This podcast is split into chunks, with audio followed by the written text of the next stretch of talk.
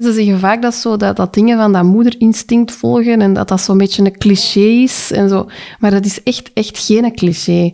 Maar soms heb ik al gehoord van mama's dat ze zo het gevoel hebben van ja, maar ik, ik voel dat niet. En is dat dan verkeerd dat ik dat niet zo duidelijk voel? Nee, ik denk echt dat er heel, heel veel ruis is en dat het echt wat, wat graafwerk vergt. Maar het is er. En als je het kunt horen, dan wijst dat echt de weg.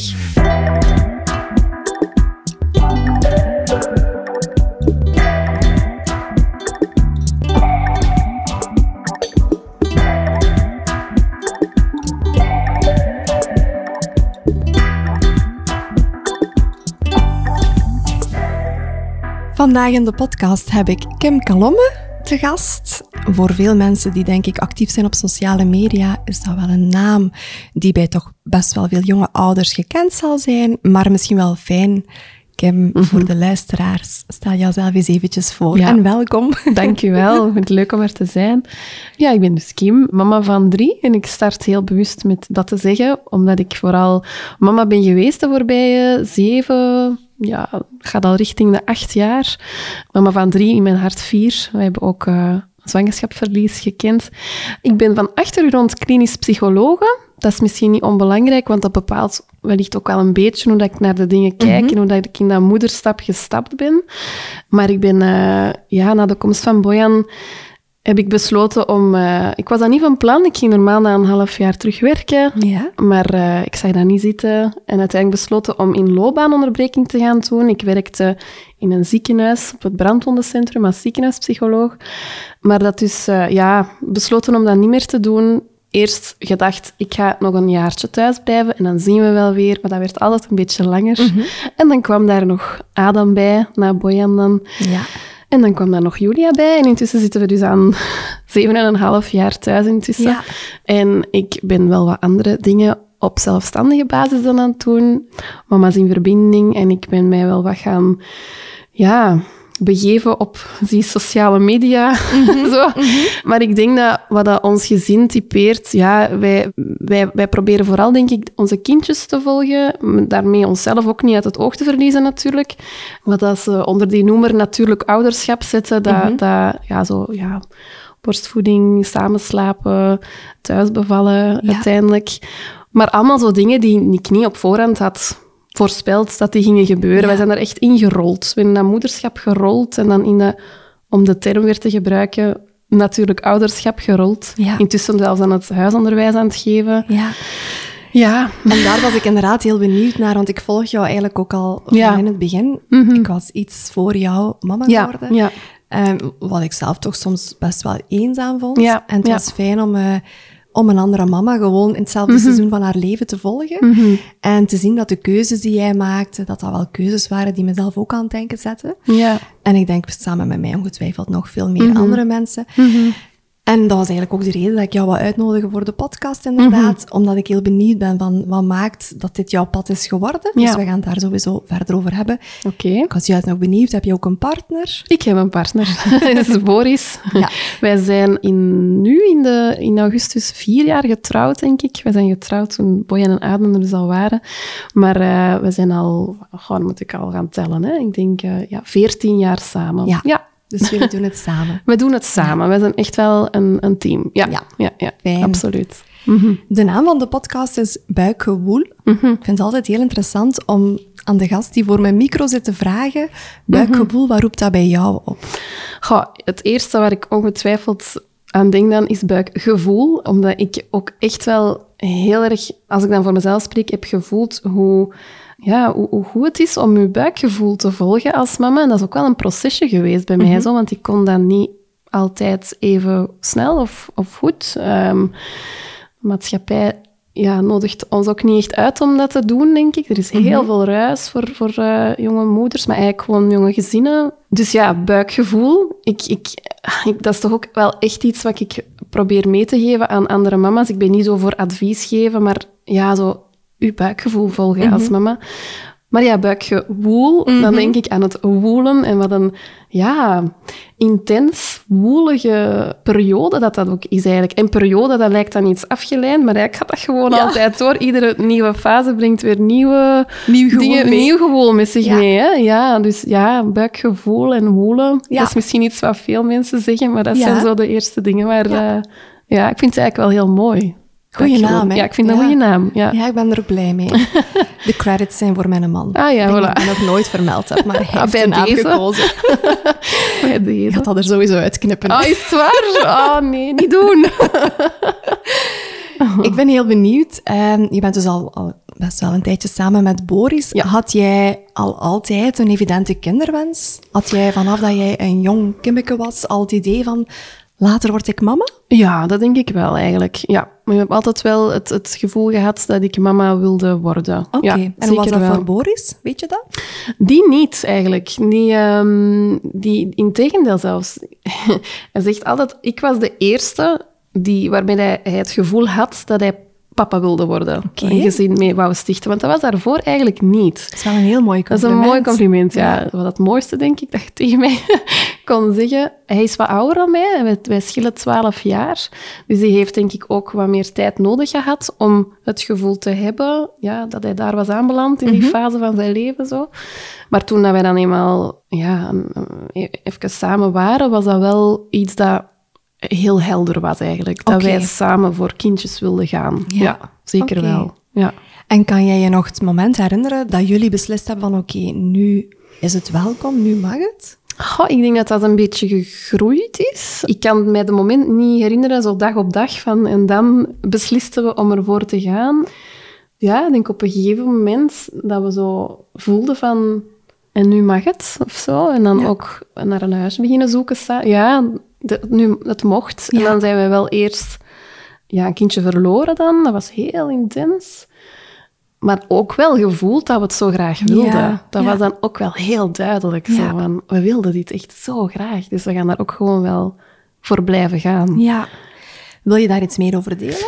Eh, ja, ehm, ik, ga, ik, ik, ik ben eigenlijk heel blij met die term zwangerschapsverlies. Ik sprak altijd over miskraam. Maar ja, ik vond dat, dat is voor mij heel, heel heftig geweest. Ik ben daar ook heel snel zo helemaal ingevlogen. Ik weet nog dat ik, toen ik wist dat ik zwanger was, zo een dagboekje beginnen bijhouden. Ja. En elke dag gaan schrijven naar dan dat kindje in mijn buik en zo. Ja. Ja, ik hield ook eigenlijk geen rekening mee van, ah, het is pril, het kan nog wel mislopen Mhm. of zo. En uiteindelijk was het niet meer zo heel erg pril, maar ja, ik had me daar al heel... Ik was al mama. Ja. Zo. Ja, en, en ik denk ook, die, die hechting die begint ook gewoon Mhm. al heel snel, hè, met hoe dat je over dat kindje nadenkt. Je, je ziet die al gewoon voor u, bij wijze van spreken. Dus dat is, ja, dat, Ja. Dat, ik vond dat heel heftig. Ja, dat zeker als ik, wel... als ik zo hoor, inderdaad, dat je al Ja. vanaf dag één eigenlijk daarnaar aan het ja, schrijven ja, was. Ja, Ook wel heel mooi, vind Ja, ik. mooi ook wel. zeker achteraf Ja. gezien, als het al misgelopen is, wel heel Ja. mooi hoe, hoe gekoesterd ja, en, en hoe welkom. ja, zeker. En, en ja, ze is zo nog wel een beetje een deel van ons gezinnetje of zo. Mhm. Want de jongens, Julia is daar nog een beetje klein voor, die is twee, maar de jongens die, eh, Die weten die weten ook. heel goed dat dat gebeurd is. En, Ja. En, en Bojan die zegt dan ook van, die heeft plaats gemaakt voor mij. En dat Ja. is dan nu met ons beschermengeltje zo. Dat is Ja. dan zo, ja. Maar ik vond dat wel heel heftig. Dat heeft wel iets met mij gedaan. En dat heeft ook wel bij mij zo mijn... Ik ben een redelijk angstig aangelegd iemand. En dat heeft toen bij mij zo wel... Ja, een knop aangezet of zo. Mhm. En hoe uitte zich dat dan? Ik was vooral, ik ben heel kort nadat we dat zwangerschapsverlies gehad hebben, terug zwanger geraakt dan, Mhm. van Bojan. En ik was heel bang. Ik ben eigenlijk een hele zwangerschap lang bang geweest. Ja. En Bang om opnieuw te verliezen? ja. Of bang om te hechten? Allebei een beetje eigenlijk. In het begin zeker ook bang om te hechten. Ik ben niet direct beginnen schrijven. Eh, ik, ben, ik heb gewacht met het kopen van ja, bepaalde Spulletjes. spulletjes Ja. of zo. Ik hield dat echt wel een beetje op, op afstand, zo die dingen. Maar ook echt wel heel bang om te verliezen. Ik kan mij dat gesprek met de gynaecoloog nog heel goed voor de geest halen. Waarin dat hij mij probeerde gerust te stellen. Want dan, ja, we waren iedere keer verder in de zwangerschap. Die kans werd iedere keer kleiner. Maar in mijn hoofd was, die kleine toch? kans nog altijd heel groot. Ja. Dus ja, ik was heel, heel bang. En eigenlijk, als ik heel eerlijk ben, is die angst nooit helemaal gaan liggen. Die zat altijd wel wat in mij, hoor. Want ik heb altijd... Ik had als kind al bang om mensen die ik graag zie of zag ja, te verliezen. Ja. Maar zo met mama te worden en dan dat zwangerschapsverlief, ja, dat heeft echt bij mij zo een beetje... Iets extra aangezet. Ja, wel. jawel. Ja. Ja. en dan ben ik wel wat blijven... Want bij- Adam zijn, zijn zwangerschap was ik ook heel bang. Wat- Wat dan ook geen evidente zwangerschap. We hadden dan een niet zo'n goede niptest. En dat heeft dan zo'n malle mol aan, aan, aan wat andere dingen in gang gezet. Maar altijd wel bang gebleven, zo eigenlijk. En Ja, wat heeft jou dan geholpen op die momenten? Ik kan me zeker voorstellen, die zwangerschap van Bojan, ja. de eerste zwangerschap na het verlies. Ja, ehm, mijn gynaecoloog, moet ik wel zeggen, dat is zo'n hele rationele. En die kwam echt zo met, dat weet ik nog heel goed, met, met zo'n cijfermateriaal. Van op, op die termijn heb je zoveel kans dat het nog misloopt. En op die termijn, en twee weken verder, heb je nog zoveel. En, maar dat rationele, ja, op een bepaalde manier hielp mij dat ook wel wat of zo, om mij aan vast te houden. Mijn partner, Ja, die is heel vragen. geruststellend. Dus die is zo echt het, ja, het tegenovergestelde van mij, wat dat soms ook wat frustratie geeft in onze relatie, zo, maar veel vaker net niet. Ja, Allee, net is dat de angsten wat kan ja, jawel. temperen. Ja, Ja. jawel. Ik zoek heel vaak geruststelling bij hem. Ja. En ik neem dat ook wel wat aan. Ik zeg dan misschien niet altijd dat ik dat aanneem, maar dat komt wel binnen. Bij deze Boris. Ja, inderdaad. Ja, eigenlijk wel. Ja, blijven doen. Ja, het zou niet goed zijn, denk ik, als die mee in mijn zo angst kruipt. Dus, Dan nee. ga je elkaar versterken Ja, dat, natuurlijk dat daar, denk ik wel. Ja. Goh, en wat dat toch ook wel ja, geholpen heeft, is dat die zwangerschap vorderde. En waar het in het begin vond ik het toch wel wat moeilijk om mij dan te hechten aan dat nieuwe leven, is dat op den duur wel gekomen. En, eh, Nog in de zwangerschap. jawel, wel? jawel, Ja. jawel, zeker wel. Ik ben op den duur wel beginnen schrijven en beginnen doen wat ik anders ook had gedaan. En wat, wat, wat vertrouwen proberen hebben. Mhm. en, en het feit dat hij begon te bewegen en ik voelde hem. En ik heb al wel eens een keer op spoed gestaan toen ik hem zo even niet voelde. Zo. Ja. Ik denk dat dat rond 30 weken zwangerschap was. Maar alles was oké. Dus ja, die angst bleef er wel altijd zitten. Maar ja, ik had gaandeweg toch ook wel wat meer vertrouwen Ja. gekregen. Ja, fijn dat die evolutie er wel geweest Ja, is in de zwangerschap ook. Hè? Ja. Ik ben heel benieuwd, want je had een vrij rationele gynaecoloog, hoor Mhm. jou zeggen. Had je ook een vroedvrouw onder de arm genomen in die zwangerschap? Nee. In de zwangerschap, de eerste zwangerschap, maar dan ook de tweede? Jammer genoeg niet. Als ik de dingen terug, het klokje terug kon draaien, had ik dat heel graag gedaan. Want bij Aden en Julia dan wel, en dat heeft mij enorm geholpen. Bij Bojan heb ik postnataal dan wel ehm, Een vroedvrouw een gehad? vroedvrouw gehad. Maar eh, nog niet... Ja, ik denk dat ik... Prenataal heb ik die misschien twee keer gezien, maar tegen het einde van mijn zwangerschap. Dus die heeft zo dat proces van... Van het, het Ja. heel angstige naar... Ja, niet meegekregen. Vertrouwen ja. krijgen, niet nee, echt, nee. nee, eigenlijk niet. Ik heb ook zo eens een keer zo een les om bevallen dan. Maar ja, dat heb ik... Achteraf bekeken had mij dat echt wel geholpen, denk ik. Ja. Maar ja, ik... ik ja, je doet het met de kennis dat je op dat moment ook hebt. voilà. Hè? Ja, en, ik, En- ik was daar ook zo nog niet in thuis, zo, dat dat kon allemaal. En, Ja. ja. Ik, ik denk dat er de laatste jaren, Mhm. ook dankzij jou onder andere, maar dat er echt wel een beweging op gang Ja, is. En ja. dat- ja, ik, ik juich het alleen maar toe, Ja, als vroedvrouw ja, natuurlijk. Ja. Dat we inderdaad weten van, als je zwangerschapswens hebt, ben je al welkom bij een vroedvrouw. En uiteraard, die echo's, hè, zeker die 12, 20 weken echo, Mhm. kunnen zeker heel belangrijk zijn. Maar die ondersteuning, en zeker dat emotionele stukje Ja, wat een vroedvrouw kan bieden, Ja. dat is vaak goud waard. Ja, Daar is vaak ook veel meer tijd, veel meer ruimte om eens echt Ja. Rond de tafel te zitten. Ja, ja. met jullie allebei. Ja, voor mij werkte de combinatie eigenlijk heel goed. Ik had echt ook wel een beetje ja, nood toch aan zo dat rationelere stukje en die echo's en die cijfertjes dat dan... Ik ben ook nogal een wetenschappelijke achtergrond, dus ja, op een of andere manier ja, had ik dat Gaf ook je dat nodig. duidelijkheid, Of- ja, zo wat duidelijkheid.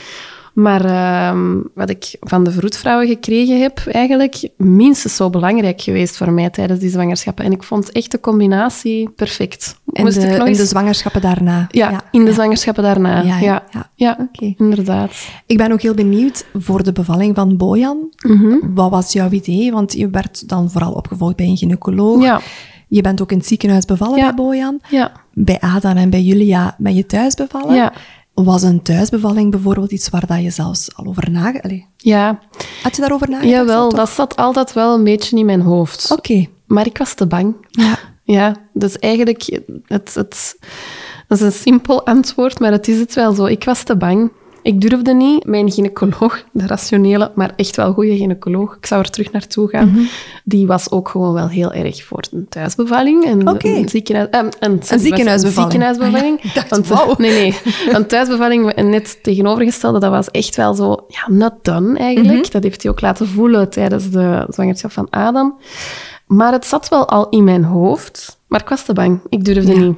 Was het iets wat je al durfde delen met Boris op dat moment? Jawel, jawel. Wij hebben daar wel over gepraat, zeker wel. Maar wel enkel met Boris, denk ik. Want ik denk, ehm, het woord thuisbevalling, dat dat zo naar mijn ouders toe bijvoorbeeld, dat dat pas eh, later gevallen is. Dat die ook echt wel even heel moeilijk vonden. Ja.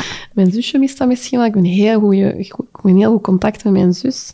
Maar eh, het werd nog, dat werd nog heel klein gehouden wel, Ja. hoor. Waarschijnlijk ook omdat ik daar zelf zo nog wat, ja, te onzeker over Ja. was. Maar dat, dat, dat zat al wel ergens in mijn hoofd. Ja, er was misschien ergens een, een vertrouwen nodig van... Ja, We hebben ja. het al eens... Ja, ik Ja. zei altijd ook zo... Ik weet niet hoe dat mijn lijf bevalt. Mhm. Dat heb ik toen ook tegen Boris gezegd. Van, wat als ik nu... Ja, dat zijn zo de, de typische vragen, denk ik ook wel. Dat, dat twijfelende mama's daarin zich stellen. Hè. Ja, ik, ik was te bang en ik zag te veel doemscenario's. Ik heb dat dus ook niet kunnen doorspreken met een vroedvrouw, wat ik bij Adam heel erg heb gedaan. Ik heb echt al mijn vragen afgevuurd. Ja, groot gelijk. Tot op de moeilijkste vragen Ja. toe. Maar dat heeft er wel Kennis, voor gezorgd. ja. Die kennis geeft ook kracht, hè? Ik Ja. heb kennis nodig, Ja. ja. En Ja. had je dan bijvoorbeeld in de zwangerschap van Bojan iets van een cursus gevolgd? Een, een- Nee. Buiten een lesje in het ziekenhuis dan? Nee. Nee. En ook dat... Ik was zo, zo, zo, ja, daar zo van het principe nog van, wat komt, komt. En dat loopt wel, ook zo naar de borstvoeding toe en bevallen toe. En al die hypno. Ik had zoiets van, We zien wel. we zien wel, Ja. dat komt wel. Dat- Maar nu zou ik eerder zeggen van, informeer u. Ja. ja ga, ga, ga, verruim uw blik. Dat kan alleen maar kei waardevol Ja. zijn, denk ik. Dat is ook de reden. Ik, ik heb een online eh, geboortecursus. Ah ja, ja, voilà. Net met die reden, maar ik merk ook heel hard hoe moeilijk het is om Mm. de populatie Mm. ouders, ja, voor een eerste kindje eigenlijk, Mhm. ja, overtuigd te Daarin krijgen. mee te krijgen. Ja, daarin Ja. Mhm. mee te krijgen van het feit hoe waardevol het is om Ja. te investeren in een goede voorbereiding, in kennis, zodanig dat je weet wat je opties zijn en dat je, ik denk gewoon door het opdoen van kennis ook veel breder gaat nadenken. en veel meer gaat praten met je Ja, partner ja. ook van, wat Ja. vind jij belangrijk? Voilà, want dat doen we uiteindelijk bij heel veel dingen. Hè? Eerst kennis vergaren voordat we daar Mhm. als je een huis gaat bouwen dat, of kopen, tuurlijk. dan ga je ook je informeren of je pakt een architect mee. Of je, ja, En dat gaat dan over zoiets belangrijks. Ja. Ja. en ik merk, want ik ben daar heel benieuwd naar ook van... Ja, bij jou, je bent eigenlijk dan een beetje het klassieke voorbeeld daar Mhm. dan ook wel bij, van iemand die de eerste keer wel in het ziekenhuis bevalt en dan, Ja. we gaan daar dadelijk op komen, maar Ja. dan de keer daarna het toch wel echt bewust anders Heel doet. bewust, ja. Zoals best wel al veel verhalen in mijn podcast. ja. Ehm, wil je iets meer vertellen over de bevalling van Bojan? Ja. Want dat was dus een geplande ziekenhuisbevalling. Ja. Niet met een zelfstandige vroedvrouw die Nee. meeging. Eigenlijk gewoon het klassieke in het ziekenhuis met jouw eigen gynaecoloog? Of... Ja. Ja, ja, die was er dan, eh, dat hoopte ik heel erg, en die was er ook bij. Dat is uiteindelijk een inleiding geworden. Jammer genoeg, dat wilde ik eigenlijk echt niet. En om welke reden mag je dat vragen? Ik was negen dagen over tijd. Nu, achteraf gezien, zou ik zeggen, ja, negen dagen over tijd. Ik zou dat nog wel rekken, maar toen de gynaecoloog, je mocht dat echt niet doen, Kim. Je mocht dat echt niet nog rekken, dat kan gevaarlijk worden. Cijfermateriaal bovengehaald, Ja. van hè, zoveel resulteert in zoveel... Oh. Ja, dat had een De effect angstige- op mij. ja, ja. Andere mensen in mijn omgeving die ook zeiden van, ja, Kim, je mocht dat echt niet te lang rekken, kan gevaarlijk worden. Dus ja, uiteindelijk dan toch besloten... Met een ja, inductie, Om, ja. eh, inderdaad. Vind ik nog altijd heel jammer, want ik heb eigenlijk altijd een beetje het gevoel gehad dat Bojan nog niet klaar was. Mhm. Dat als wij die twee of drie dagen langer hadden gegeven, dat die van zichzelf gekomen was. Dat is altijd mijn gevoel geweest achteraf. Dat is ook een beetje typerend ook wel voor hoe dat Bojan is zo. Dat is een heel gevoelig kindje. En ik heb echt altijd een beetje ja, het gevoel gehad dat die bevalling en het feit dat hij daar wel in geforceerd is geworden, dat dat wel ja, een effect heeft gehad impact Ik geloof gehad, dat echt, ja. Hij heeft dat toen ook laten merken, want ik ben dus Ehm, hij is 15 januari geboren, 14 januari binnengegaan. Dat kwam direct allemaal op gang. Maar ik had dan uiteindelijk een nacht redelijk stevige arbeid gehad. Maar dan kreeg ik meconiaal vruchtwater. Ja. Stoelgang in het vruchtwater. Ja. Wat was voor mij ook weer zoiets van, ah, die is in stress. Die, Ja. die- ja. En dan moest het heel, heel snel gaan. En weet ik nog heel goed dat de gynaecoloog tegen mij zei, en Kim, je hebt nu een uur om te persen en in dat uur moet je eruit zijn. En dan weet ik nog, ja, ik, ik weet nog dat dat zo precies zo'n een, reuze grote golf was dat over mij heen kwam. Van, wow, wat? Amai, wat een druk. Ja, en dan ja, was dat zo echt... Ja, bij iedere wee dan, dan gingen die tellen. En dan weet ik nog dat Boris ook naast mij begon te tellen, en zo aftellen zo. Ja, voor hoe lang je moest, moest duwen. moest ja. duwen. En dan, dan, dan, dan gingen die altijd trager tellen, zodat ik langer duw. Ja. Alleen zo heel...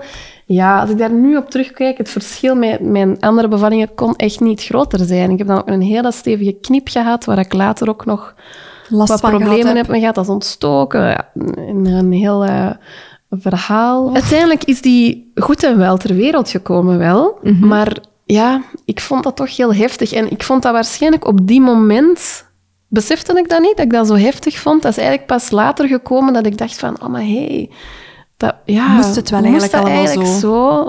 Moest ik, want moest ik nog weeopwekkers bijkrijgen, dat infuus, en moest er wel op mijn buik geduwd worden? Moest die knip wel? Moest ik echt maar een uur krijgen? Om Mhm. die, ja, zo allemaal dingen die, die, waar dat ik mij dan achteraf zo wel wat vragen bij stel. Ja.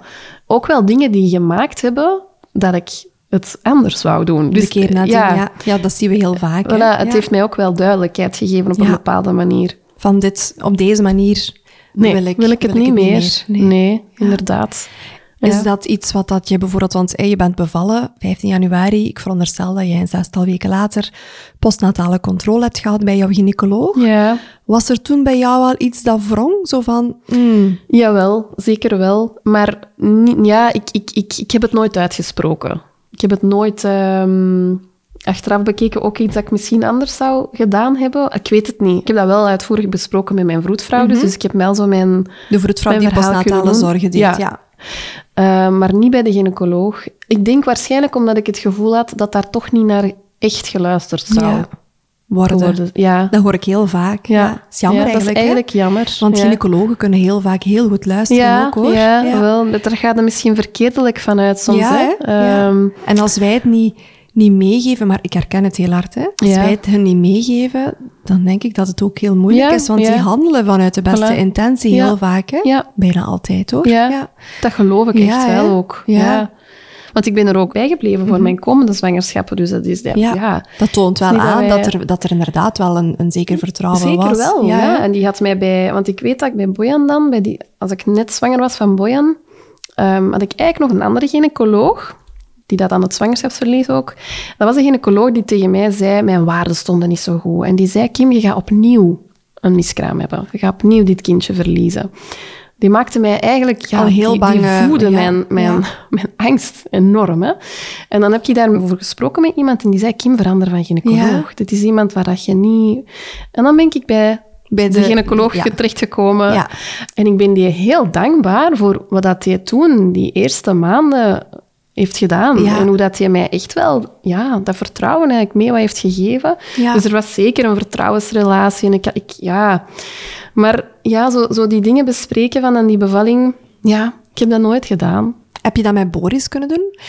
Heb je het daar ooit over gehad, hoe dat hij dat ervaren heeft? in Jawel, jawel, toen? jawel, want hij heeft uiteindelijk ook heel bewust mee voor die thuisbevalling gekozen. Ook omdat die ziekenhuiscontext voor hem toch ook wel zo een bepaalde indruk had nagelaten. Mhm. En hij heeft toen ook wel gezien dat dat voor mij niet was wat het moest zijn. Mhm. Dus wij hebben daar zeker wel over gesproken, ja. Ook die dagen nadien in het ziekenhuis en zo het borstvoedingsbeleid. En ja, ik... ik ik voelde mij daar echt niet goed eigenlijk. Ik, Ja. ik had hele lieve vroedvrouwen wel, want ik kan er mij ook nog een paar herinneren. Maar ja, het was het niet voor Het mij. was niet de klik voor nee, jou eigenlijk. Nee, het was niet de plek waar, waar, dat ik, het- waar dat ik op die intense ja, momenten in mijn leven moest zijn. Ja. Ja. En je zegt het al, je hebt ook borstvoeding gegeven. Was dat ook een evidentie wel voor jou in die zwangerschap al van Bojan? Jawel. Ja. ja. En is dat dan vlot verlopen, die opstart? Helemaal Want niet. Ik hoor jou zeggen, het protocol, het Nee, ziekenhuis. ja, helemaal niet. Dus ik wist wel al tijdens de zwangerschap, ik wilde borstvoeding geven. Mijn mama Ik heb zelf niet zo heel lang borstvoeding ge- gekregen, maar mijn zusje wel wat langer. Dus ja, dat was voor mij ook zo wel een beetje een evidentie, denk ik, dat ik dat zou proberen. Ik denk dat ik zei van, wil zeker een half jaar proberen. Ik wist zo wel een half jaar exclusief. Dat is de WHO-norm. Ja, ik weet niet hoe dat, dat dan tot bij mij was gekomen, maar ja, dat wist ik dan toch al. maar die opstart was heel moeilijk. Ik heb heel veel pijn gehad in het begin. Boja was een hele sterke. Zuigreflex, ja. eh, en die wilde gewoon ook heel veel drinken, wat nog heel normaal is. Maar dan in combinatie met sterke zuigreflex en vermoedelijk ook een tekort tongriempje dat of lipriempje dat toen niet gezien is geworden. Er werd altijd gezegd, ik heb dat door een aantal mensen laten zien, er werd altijd gezegd, het is aan de korte kant, maar niet kort genoeg om er iets mee te doen. Ja. Ik denk dat nu, deze dagen, als ik dat nu aan iemand zou laten zien, dat er echt kennis van heeft, dat die direct zou zeggen, We gaan dat, eh, of lezen. ja. Of, ja. Maar ik heb eigenlijk twee of drie maanden lang elke voeding pijn gehad. Ja. Maar echt, Oh. echt tenen krullende pijn, wenen, echt... Ik zei vaak, dit doet meer pijn dan weeën. Ja. Het deed echt pijn. Oh, zo erg. Ja, dat Zo was jammer. echt niet fijn. Ja. Maar ik was wel heel vol- volhardend Ja, in het... blijkbaar dan. Jawel, ja, want veel mensen rondom mij zeiden wel, Kim, stop ermee. Ja, Die of kolven mij- of zo. ik kan me voorstellen dat dat heel makkelijk als optie dan Ja, ja, ja, zou worden. ja, ja. En die zagen mij wenen tijdens het voeden. Ja. Zo, hè. Dat beeld alleen al. Boris weet dat ook nog heel goed. Die zeiden van, Kim, stop ermee. Dit, dit mag niet ten koste gaan van. Maar ik voelde ook al wel, ook al deed het pijn, ik voelde wel dat... Ja, dat, dat was wat ik wou doen. Ik Ja. wou wel echt mijn kindje voeden. Ja. Ik voelde ook dat dat Bojan heel goed deed. En ja, dus ik was wel heel volhardend Ja, in het willen blijven voeden. En dan is dat wel gaandeweg met de juiste hulp beter gegaan, beter gegaan en makkelijker geworden. Ja. En nog makkelijker Ja, geworden. en want dat is wel het voordeel bij borstvoeding vaak. Hè? Ja, ja. het, eh, dat het kan wel wat ploeteren zijn in het begin, Ja, ja. maar daar leg je vaak wel de fundamenten. Ja. De pijn die je omschrijft, dat hoort er Nee, eigenlijk niet nee, bij. dat niet Even voor de luisteraars. Nee, dat was niet oké. Nee, moet je echt wel een lactatiekundige een goede vroedvrouw inschakelen. Ja. Ja. Maar dat is beter geworden. En uiteindelijk is die 4,5 jaar blijven drinken. Dus hebben wij er een heel mooie borstvoedingsperiode op zitten, waar ik met een heel warm hart Ja. op terugkijk. Amai. Ja. Wauw, je hebt ervoor ge... Ik heb het al wel, dat is nu, ik, ga, ik zeg dat niet snel, maar dat is wel echt iets waar we voor gewerkt hebben. Ja, Ja, wauw. echt wel. En je had initieel die wens van ik doe dit zes maanden. Je had Ja. ook die wens na zes maanden ga ik terug werken. Ja, Wanneer in die kraamperiode werd het voor jou een optie van hmm, misschien wil ik helemaal niet terug gaan werken? heel snel. Ja, ik, weet- ik, ik vond die, die ervaring van mama worden, dat heeft heel snel iets enorm, ja, iets, echt iets met mij gedaan. Zo. En ik was daar, ik, ik, ik dacht echt, oh ja, na een half jaar terug werken, dat doet iedereen. Ik ga dat ook doen. Ik heb een toffe job. Dat moet te combineren zijn. Allee, zo, hè, van dat principe zo'n beetje. Ja, want iedereen doet dat ook. Want hè? iedereen doet dat, dus ik moet dat ook kunnen. Dat is ook belangrijk. Ja, en, en ik voelde eigenlijk al heel snel niet zozeer het niet, ja, niet terug willen gaan werken. Ik vond het vooral heel moeilijk te weten dat ik Bojan Naar opvang. naar de opvang moest brengen en dat ik die moest laten verzorgen door iemand anders, terwijl ik zelf voor andere mensen was aan het zorgen. Ja. Maar ik wilde eigenlijk voor mijn kind zorgen. Dus Ja. daar zat ik heel snel heel hard mee gevrongen. Heel snel. Maar ik durfde dat niet even snel uit te spreken, want dat is nu niet iets waar eh, ik en Boris direct eh, over op één lijn zaten. Die had ook echt wel zoiets... Hij moet naar de opvang, dat is ook belangrijk voor Bojan, voor het sociale stuk. Ja, zo de clichés kwamen toen echt wel heel erg boven. Jij moet ook gaan werken, dat is ook goed voor u. Ah, ja, Dag is buitenshuis, Ja, terug, de- andere ja. contacten. ja, en financieel ook wel. Ja, waren er ook wel direct heel veel zorgen rond. Dus wij hebben daar heel veel over gepraat. Er zijn heel veel tranen voor gevloeid. Maar dat gevoel was zo sterk. Ja, ik, ik kon het niet. ja, dat je toch je gevoel bent uh, ik durven ben- volgen. Ja, en daar komt dan dat buikgevoel. Dat is denk ik het eerste moment geweest. Dat je hebt durven luisteren. Ja, misschien met die borstvoeding ook al wel, maar dat is toch wel zo'n een grote geweest. Ja. Zo de, de beslissing nemen om niet terug te gaan Ja. werken, hem niet naar de opvang te doen, dat heeft voor ons toch wel ja, ons een bepaalde richting Ja, ingestuurd, Ja. toch wel, denk ik. Hoe reageerde jullie omgeving en, en het werk bijvoorbeeld ook?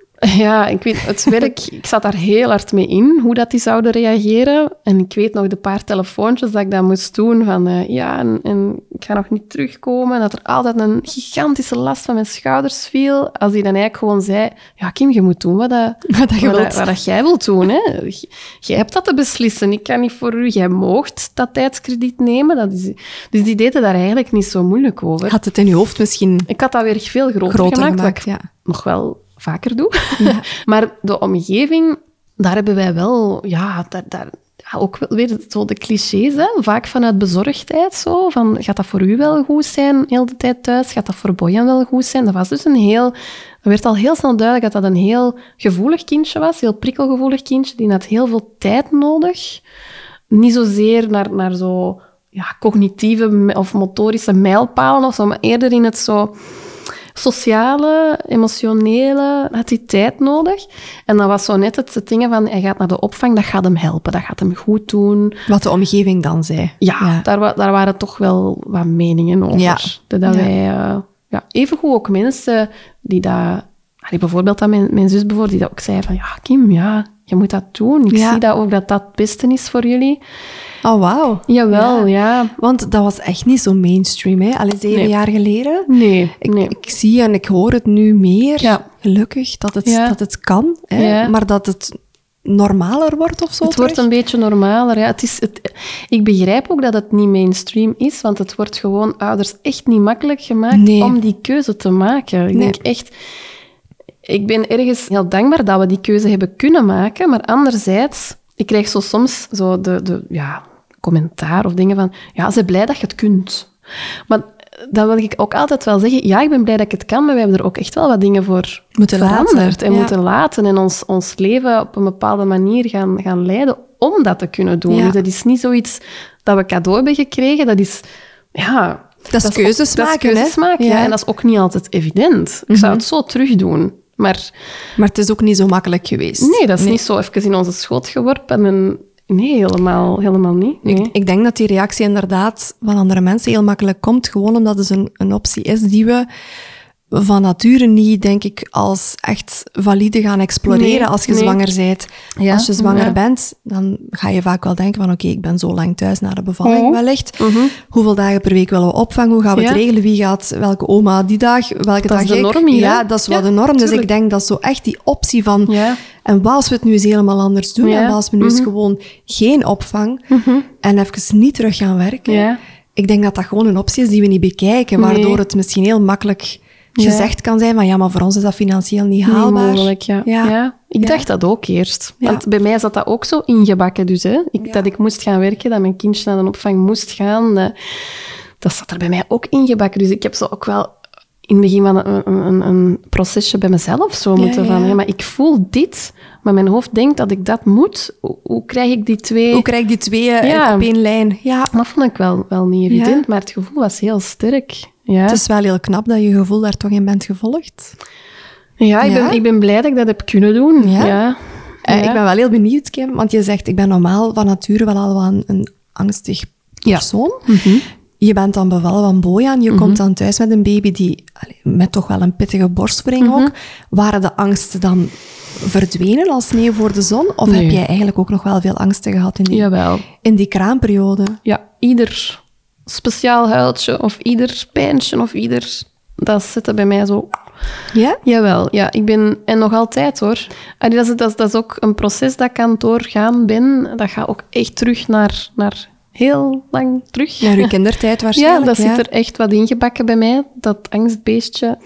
Ik moet daar een beetje mee leren leven ook wel. Dat, dat, is, dat is een deel van mij. Dat is een gevoeligheid bij mij. Dat is echt wel iets waar ik heel vaak op bots en dat voor mij het moederschap soms moeilijk maakt. Zo die angsten en die, die bezorgdheden. En dat is zeker niet gestopt met zijn geboorte. Dat, ja, integendeel. Ja. En heb je dat, dat stukje bijvoorbeeld durven uitspreken naar jouw vroedvrouw toen? Of heb je Jawel, een, psycholoog ook onder de arm genomen bijvoorbeeld? Want je Ja, bent zelf psycholoog. ja, ja. Ja. Maar ja, bon, we zijn soms zelf de slechtste patiënten hè, of cliënten Ja, als het erop aankomt. Ja, absoluut. Maar ik ben ook echt een hele moeilijke cliënt, denk ik. Want ik heb het geprobeerd en ik vond er geen klik mee en dan ben ik gestopt. En, maar ik heb wel aan andere mensen al heel veel gehad in, in dat proces. Ik heb daar met de vroedvrouw veel over gesproken. Met mijn partner heel veel over gesproken. Een aantal vriendinnen. Maar dat wil niet zeggen dat ik... Ik denk wel dat professionele ondersteuning... Het zou mij, het zou mij deugd doen, denk ik. Maar het is nu zo een beetje... Ik ben fulltime thuis met drie kindjes. Het is praktisch misschien wel lastig. Voilà, ik merk zo, ik zit zo nu nog op een... Geef daar maar ruimte, en maak daar maar tijd en ruimte voor. Zo. En ook financieel. Ma- maak dan maar die ruimte. Maar ik ben daar nog niet. Ja. Maar het Dus is wel het is iets zo- waarvan je zelf voelt, ooit moet ik daar misschien wel eens verder mee aan de slag Ja, jawel. En ik zou ook andere mama's aanraden om als ze dat voelen, want ik heb dat dan nog niet heel grondig gedaan, als ze dat voelen en het kan om dat te doen. Ja. Zeker wel. Want ja, dat, ja het, dat gaat echt in pieken en dalen bij mij. Dat hangt ook heel erg samen met mijn cyclus. Dat is iets eigenlijk dat ik nog maar redelijk recent ontdekt heb. Maar die angstpieken, die hangen echt... Ik kan dat, ja... Ik vind dat heel fascinerend eigenlijk. En want dan in is welke dus- fase van jouw cyclus mag ik dat dus vragen? juist voor dat ik mijn regels krijg. Die, die, die dagen daarvoor, dan piek In de herfst. In de herfst. Ja. Ja. En ik voel dat minderen tijdens de winter. Ja, ja. op Ehm, het moment dat je inderdaad, ja. dat het bloed komt. Ja, Ja. Dat, dat, ja, en dat is echt nog maar iets van, van een paar maanden of zo. Ja, hè, dat ik zo die... Dat, je Dat het was- er, dat je het eraan kunt linken. Ja, Ja. dat was ook denk ik... Dat ik, ik had daar iets over gelezen of zo Mhm. op een account. En, zo, ja. en dan zo beginnen ervaren van... Ja, Maar die amai. hormonen, die hormonale veranderingen, die hebben inderdaad een invloed op hoe dat jij je mentaal voelt.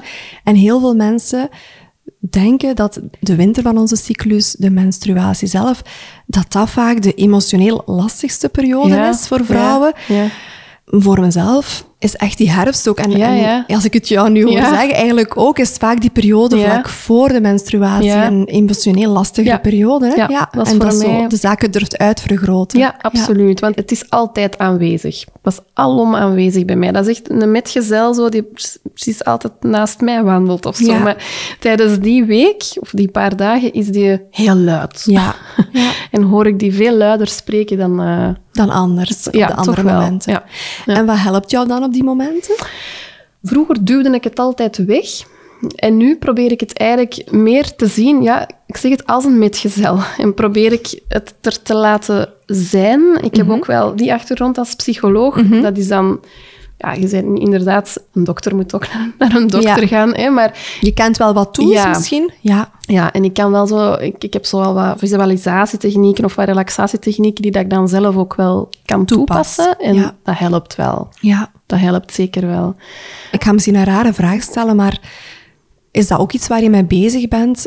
Dat je die angst ongewild naar jouw kinderen zou projecteren? Ja, zeker wel. Want dat is iets dat ik... Ik heb het niet zien gebeuren, want ik ben er nog niet zo lang, maar ik weet... Mijn overgrootmoeder had er heel veel last van. Mijn mama is ook een heel... Ik ook. Dus ja, je ziet dat intergenerationele, dat zet zich voort. Ik denk wel dat ik de eerste ben, als ik dat zo mag zeggen, dat daar zo bewust mee bezig is en daar inzichten in is gaan krijgen. Ja. En daar ook wel wat beweging in probeert te brengen. Dus ik wil ook wel geloven dat dat heel zinvol is, Ja. dat dat gebeurt. Ja, ja. Maar hoe dan ook, gaan er dingen door. Ja, Ook ja. genetisch gewoon. Allee, Ja, dat, dat zit in onze... Maar daar ben ik wel mee bezig. Ja, Ja. zeker wel. Ja, en Ehm, epigenetisch ook, hè? ja, ja. In die zwangerschap, Ja. bepaalde genen zullen Ja. inderdaad meer geactiveerd zijn dan andere genen. Ik denk dat vooral inderdaad dat bewustzijn daarop, dat dat een hele belangrijke is om de cirkel inderdaad wat te kunnen eh, doorbreken. Hè? Ik benoem dat ook redelijk vaak naar mijn kindjes toe. Want kinderen hebben zo'n straffe voelspriet. Ja, hè? hè. Die voelen alles. Maar ik denk dat vaak een, een, een- moeilijke voor een kind is om iets te voelen, maar daar geen woorden aan kunnen geven. En wat is dat nu dat ik voel, dat ik doorkrijg van mijn hechtingsfiguur? En ik probeer wel heel veel te benoemen. Niet alleen naar angsten toe, maar ja, naar zo alles toe. Benoemen. Ja, zodat zij taal krijgen Ja. voor wat dat zij voelen binnenkomen. Ja. Ja, En dat ze dat zelf voor zichzelf ook kunnen doen dan Ja. later. En dan merk ik al wel dat ze dat ook wel doen al Ja, zo. En dat ik denk soms van, oh, amai, jij kunt dat beter verwoorden dan dat ik dat kan soms. voor mezelf. Ja. Zo. Amai. Ehm, niet wel- altijd, hè, nee, maar nee, dat, ja, is maar wel wel iets knap, waar hè? ik... Ja, daar probeer ik wel, wel wat aandacht eh, aan te Aan te- besteden. ja. mooi. Heel mooi. Mhm. Ehm, ik ben super benieuwd. Je was dan thuis gebleven met Bojan. Ja. Je bent blijven voeden. Ja. ja. Kreeg je commentaar van de omgeving ook op het feit dat je... eh, Want ik weet, het is een term waar jij zelf ook niet van houdt, lang voeden. Ja, het is ja. een term waar ik zelf ook de kriebels van Ja, kreeg. ja. Want voor mij voelde dat ook nooit zo. Nee, Ehm, en werd je zoals abnormaal beschouwd. Ja. Mhm. Wat dan een beetje jammer is, toch? Hè? Ja, ik heb zeker wel mijn portie aan ehm, commentaren en, en gekke blikken.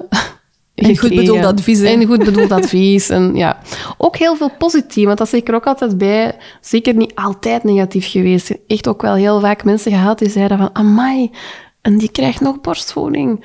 Maar zo goed. Allee, zo, eh, vaker door zo wat oudere mensen. Ja, maar zo ja, goed, ja. manneke. Allee, zo, Ja.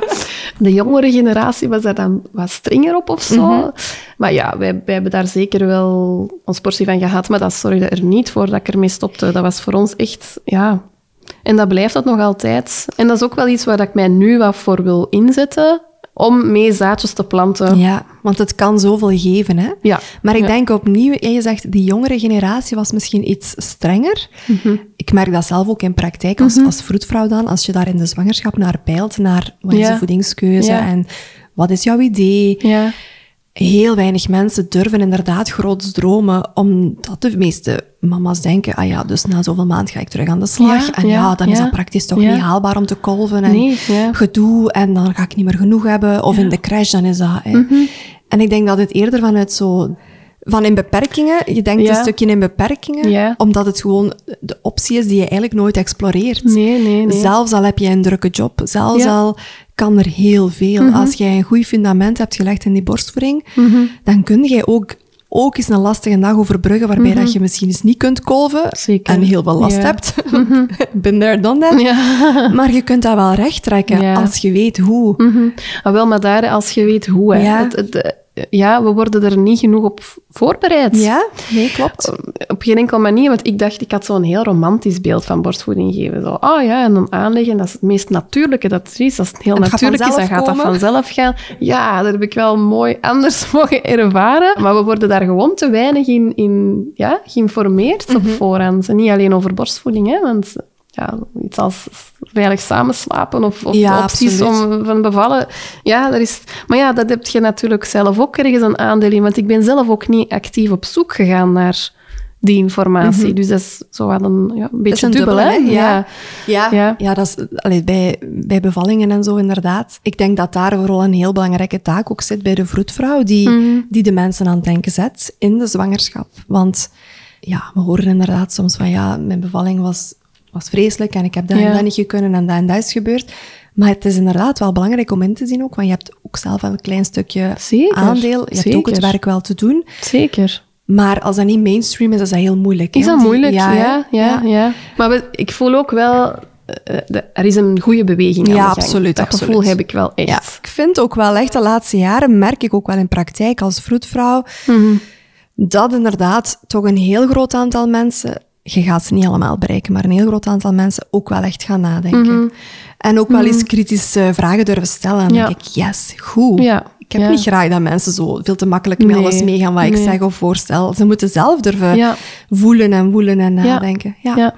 Dat is ook, ik ben nu ook aan een online, als ik denk op het moment dat deze aflevering uitkomt, zal Ah, ja, mijn cursus ook klaar zijn over borstvoeding. Ah, ja, ja. Waarin ik echt probeer vooral naar de basis te gaan. Naar wat houdt borstvoeding in? Hoe Mhm. werkt dat mechanisme?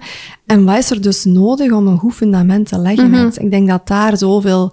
Misvattingen of ja, zo weinig kennis nog zit en daar zoveel winst te behalen valt. want er zijn heel veel mensen die echt de intentie hebben om wel die borstvoeding te starten. En die vaak veel vroeger stoppen dan Ja. dat zij gewenst hadden. En dat is ook jammer, want je hebt een, een hele grote populatie mama's die wel gedreven zijn, Ja. maar die gewoon, denk ik, niet de juiste kennis Nee, hebben. nee. En dus, wat, wat is normaal babygedrag? Gewoon niet herkennen, Nee. vaak ook door een omgeving Ja, die borstvoeding alleen als een nutritief iets beziet, terwijl het zoveel meer dan dat is. Hè? Zeker. Ehm, was het een evidentie voor jullie dat er na Bojan nog een broer of zusje zou komen? Absoluut wel. Ja, Ja? Dat is iets dat wij eigenlijk altijd zeiden. als we maar voor één kindje zouden, dan willen we liever voor geen. Allee, dat is Ja. misschien wat cru gezegd, maar wij wilden echt wel zeker twee kindjes. Mhm. Ehm, ik heb zelf ook een zus. Dat is, we zijn twee handen op één buik. Mijn eh, man heeft een broer, ook altijd een heel goed contact gehad. Ja, voor ons was het gewoon een evidentie. Mhm. Ja. Gaan we voor een kindje, dan gaan we ook voor een broer of zusje. Ja. Niet dat we zeiden van we gaan er dan voor nog eentje, maar dat er twee... Dat, dat, allee, als het ging, hè, want dat is Ja. altijd, je moet met Ja, ja, met twee woorden woorden, spreken, maar we wilden dat wel heel graag. Ja. En wat heeft de doorslag gegeven toen? Van oké, want je was toen nog thuis, je was nog aan het voeden. Ja, goh, op een gegeven moment ja, was het gewoon zo weer daar dat dat verlangen er een beetje kwam. Want ik was heel ja, gefocust op Boyan. En dat, dat, dat klinkt ook misschien wat overdreven, maar dat was mijn wereld. hè. Niet dat er daar buiten niet nog mensen waren die... Uiteraard wel, hè, maar ik kon het... Het heeft even geduurd eer dat ik mij kon inbeelden dat ik voor nog een kindje kon zorgen. Zo. Dat ik, ja. En dat had ik zelfs in het begin, als ik dan, want ik ben heel snel terug zwanger geworden van Adam dan. En daar heb ik echt wel wat mee geworsteld in het begin. Van, oh nee, dat, dat overviel mij zo. Ineens was dat er. Oh nee, dat gaat niet lukken. Hè. Ja. Bojan moet mij gaan delen nu. Ja. Dat vind ik zo erg voor hem. Ik voelde mij heel schuldig naar Bojan toe. Ja. Ik had op zich wel het vertrouwen dat ik dat, ik dat tweede kindje terug heel... Allee, ja, Heel graag zou zien en- en- zo vooral naar Bojan toe. Zo, ja. Die Ja. moet mij gaan delen. En die heeft mij altijd voor zich gehad. En die borstvoeding, dat speelde toen ook wel mee. Want die was 17 maanden toen ik zwanger werd van Adam. Die dronk nog heel vaak. Mhm. En ik was echt wel heel bang dat die productie dan zou stilvallen. En ja, ik worstelde met heel veel schuldgevoelens. Die eerste ja, weken. Dat was toch ook wel zo even een, een, procesje of zo. Ja. Ik vind dat fijn dat je dat ook wel aanhaalt, want ik denk dat dat iets is wat heel, Ja. veel, heel veel ouders herkennen, heel veel mama's herkennen. Ja. En inderdaad, als je zo die wens hebt om die borstvoeding ook nog door te zetten, Ja. het kan inderdaad zijn als je zwanger bent, zien we inderdaad in die eerste trimester dat die productie vaak terugloopt, soms Ja. stopt. Ja. De smaak verandert ook en we zien ook dat sommige kindjes stoppen. Stoppen, hè. Ja. Ja. Had je daar... Ik was daar bang voor. Ja. Ja. Maar ergens had ik dan ook wel, wel een beetje het vertrouwen, omdat hij zo fan was van zijn bobo, noemen ze dat hier alle drie. Ehm, dacht ik ook wel ergens van, misschien blijft hij wel... Ik denk, toen wist ik dan al wel van dat dat kon. hè. Droog drinken. drinken Ja. en dan tandem voeden. En dat waren voor mij zo nog wel wat verre ja, dingen, termen of zo. Maar ik, kende ze wel. Je wist dat het kon. Ik wist dat, het opties kon, waren. Ja. Maar hij is dus altijd blijven droogdrinken. Er is Ja. geen dag geweest dat hij niet ja, gedronken, tussen haakjes Ja. dan. Want mijn productie is wel effectief helemaal stilgevallen. Rond, oh, ik denk, ja, vier maanden zwangerschap Mhm. of zo. Is dat, zo dat, is, dat is wat afgebouwd. En dan tegen ergens in de dertig weken was daar... het terug. Ja, en dan weet ik nog heel goed, dat was hier in de zetel, dat Bojan op een gegeven moment zei tegen mij, mama, er is terug melk. Zo, dat, dat ga ik nooit vergeten. Ja, was zowel voor hem als voor mij zo'n heel, ja, was een heel fijn moment. Geruststellend moment ja, ook, denk ik, ja. want die, die is enorm veel ziek geweest tijdens die periode, afgevallen. Ja. Die wou ook geen alternatieven. Die, we hebben echt heel veel geprobeerd. Die wou alleen de bobo. Die wou echt alleen de bobo. Uiteindelijk wat donormelk kunnen geven wel. Dat was dan zo het enige wat er een beetje Mhm. in ging, qua melk dan. Ja. Maar dus we waren heel blij dat die melk Dat dit- terugkwam. ja, ja, ja. En die ja. En heb jij zelf last gehad van ja, pijn bijvoorbeeld? Of Jawel. zo agitatie? Want Jawel. de nursing agitation, Ja. dat is ook wel Ja. iets. Ja, qua pijn, ik had één borst die heel veel pijn deed en een andere niet. Dus tijdens de zwangerschap, alleen niet, die was gevoelig, maar Mhm. dat ging. Dus ik, ik, die ene borst die werd een beetje ontzien, die werd even op No-go zone. Ja, die mocht even rusten of zo. maar dan bij de andere borst ging dat wel. Maar ik kan me wel voorstellen, als dat bij beide borsten zo is, dat dat wel echt wow, Pittig is, hè? pittig Ja. is. Ja. En wat die nursing agitation betreft, heb ik ook gehad. Zeker wel. Momenten ja, waarop dat ik echt had van... Oh, het mag niet te lang duren, want Mhm. ik denk ook echt dat dat een beetje te maken had met mijn lichaam, dat op die moment zo aan het werken was Ja. voor, dat, voor dat kindje in mijn buik. Maar ik wou het wel. Dus het was ook... Ik had dan een, een hele goede tip gekregen ook van iemand, zo, die tegen mij had gezegd van probeer ja, te visualiseren dat die melk stroomt, dat je kindje dat nog nodig heeft. Probeer die liefde tussen jullie. Ja, dat klinkt nu heel gek misschien, maar Voor mij niet, maar ja, dat ik kan me wel voorstellen Ja. ja, dat sommige mensen dat misschien moeilijk in te beelden vinden. Ja, ja, ja, maar het werkte wel voor Voilà. mij. En dat maakte wel dat hij dat dat hij is blijven drinken. En, dan En dat jij het ook kon volhouden En dat ik het kon volhouden, ja. Ja. En dan uiteindelijk hebben Boyan en Adan ehm tweeënhalf jaar Samen samen, nog gedronken. gedronken. Wauw. Ja, Ja. ja. En dus, we hebben het daar juist al eventjes verklapt, maar je bent bij Adam thuis bevallen.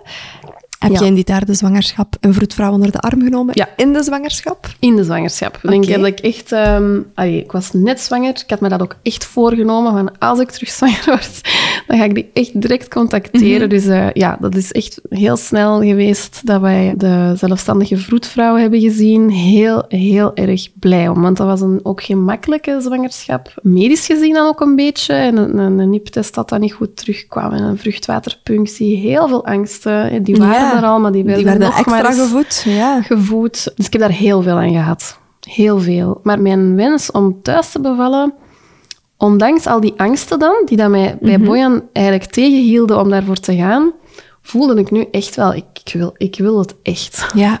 Ik wil het echt. En we hebben echt wel wat, wat, wat tegenwind gehad ook. Bijvoorbeeld dan een gynaecoloog die echt letterlijk tegen mij heeft gezegd, Kim, je mocht dat niet doen. Wat ga je doen als je kind dood is? Echt die woorden. Dat is nu heel triggerend misschien, Ja. maar ik ben daar wenend buiten gelopen. Daar hebben wij achteraf wel terug even het over gehad.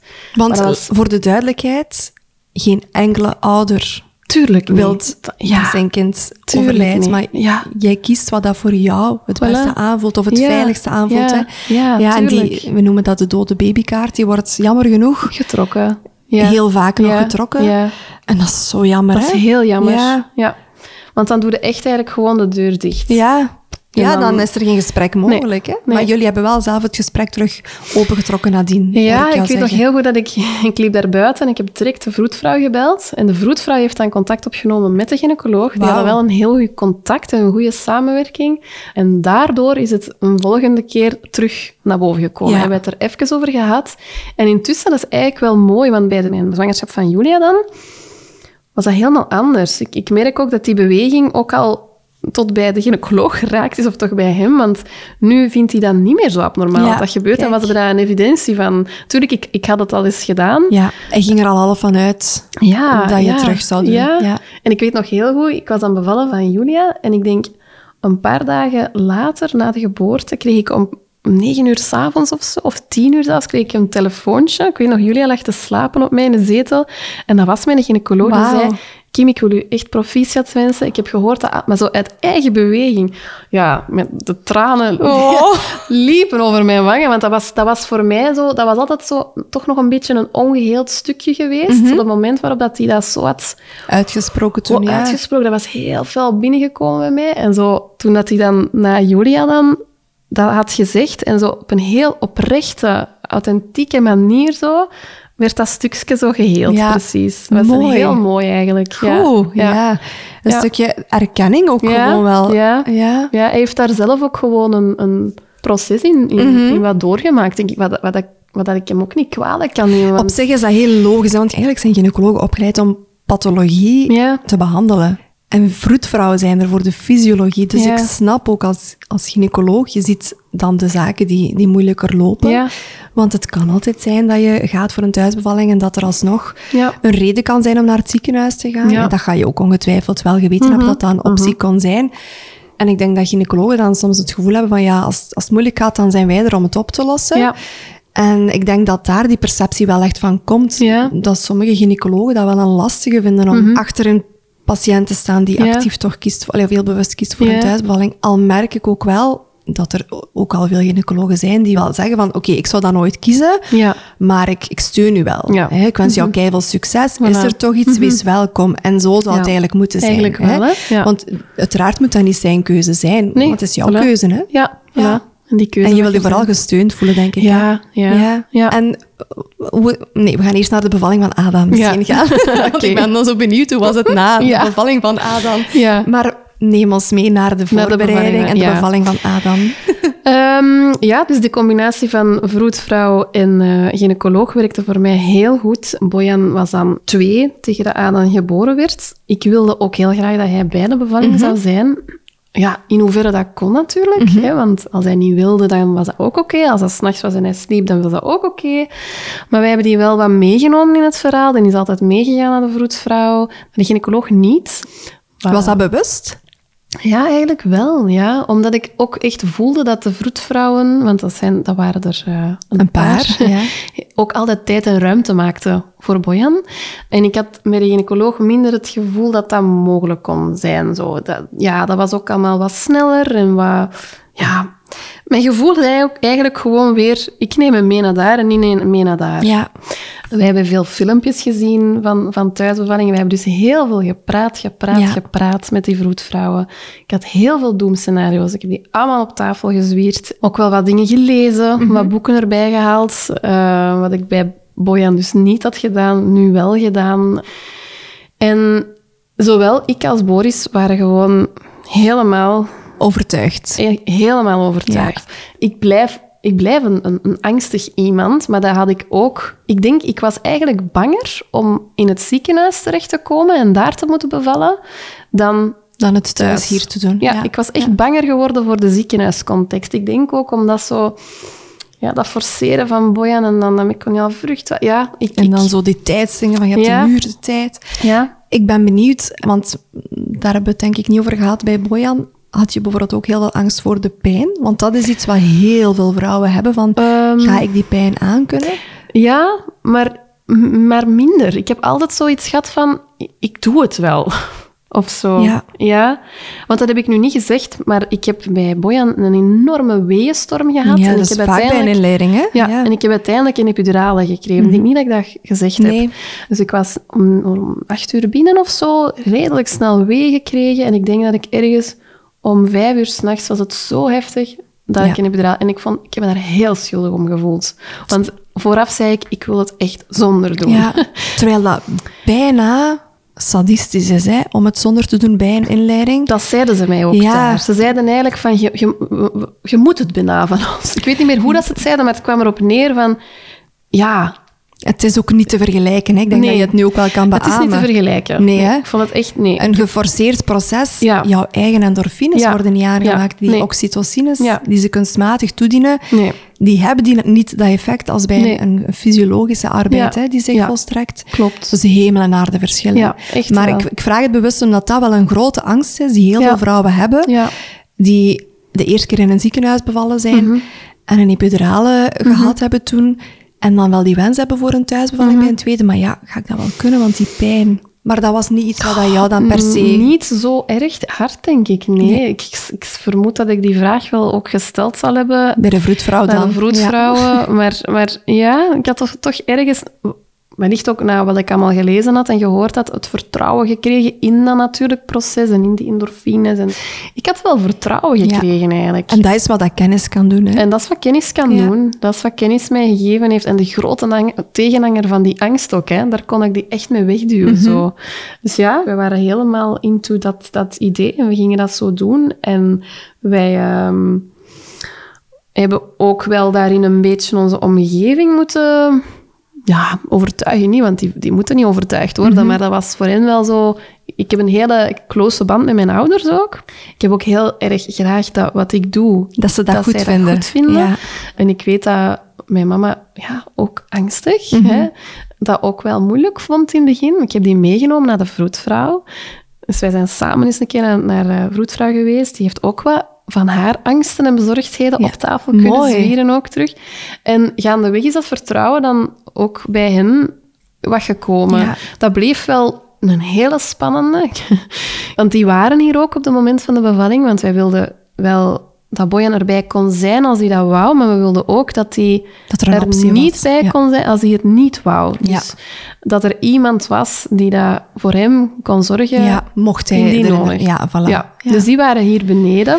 Want ik was inderdaad aan het denken, heb je de optie ook overlopen toen van we vertellen het gewoon aan niemand in onze omgeving dat we dit plan hebben om thuis te bevallen, zodanig dat we geen ruis of angsten van andere mensen Nee. bovenop ons kunnen krijgen. Want Nee. dat is een keuze die sommige mensen wel maken. Ja, Nee, maar dat was voor mij nooit een optie, want ik sta te dicht bij mijn ouders om zoiets te doen. Ja. Ik, ik, ja, dat, dat zou ik niet kunnen, denk ik. Of ook niet willen kunnen, eigenlijk, hoor. Ik, ik, dat is eigenlijk ook wel iets heel mooi geweest om hen daarin mee te nemen. Ja. En om hen... Want nu spreken die eigenlijk vol trots Over die bevalling. over die bevalling en zo, dat wij dat zo hebben aangepakt. En ja, mijn zusje, die, die, die, is jonger dan mij. Die, ja, thuisbevallen, dat was ook zo. Maar nu weet ik dat dat ook in haar opties zit al. Ja. Zo, ja, dus ik vind dat eigenlijk ook wel mooi, dat Mooi, we hen daarin ja. hebben meegenomen. Ja.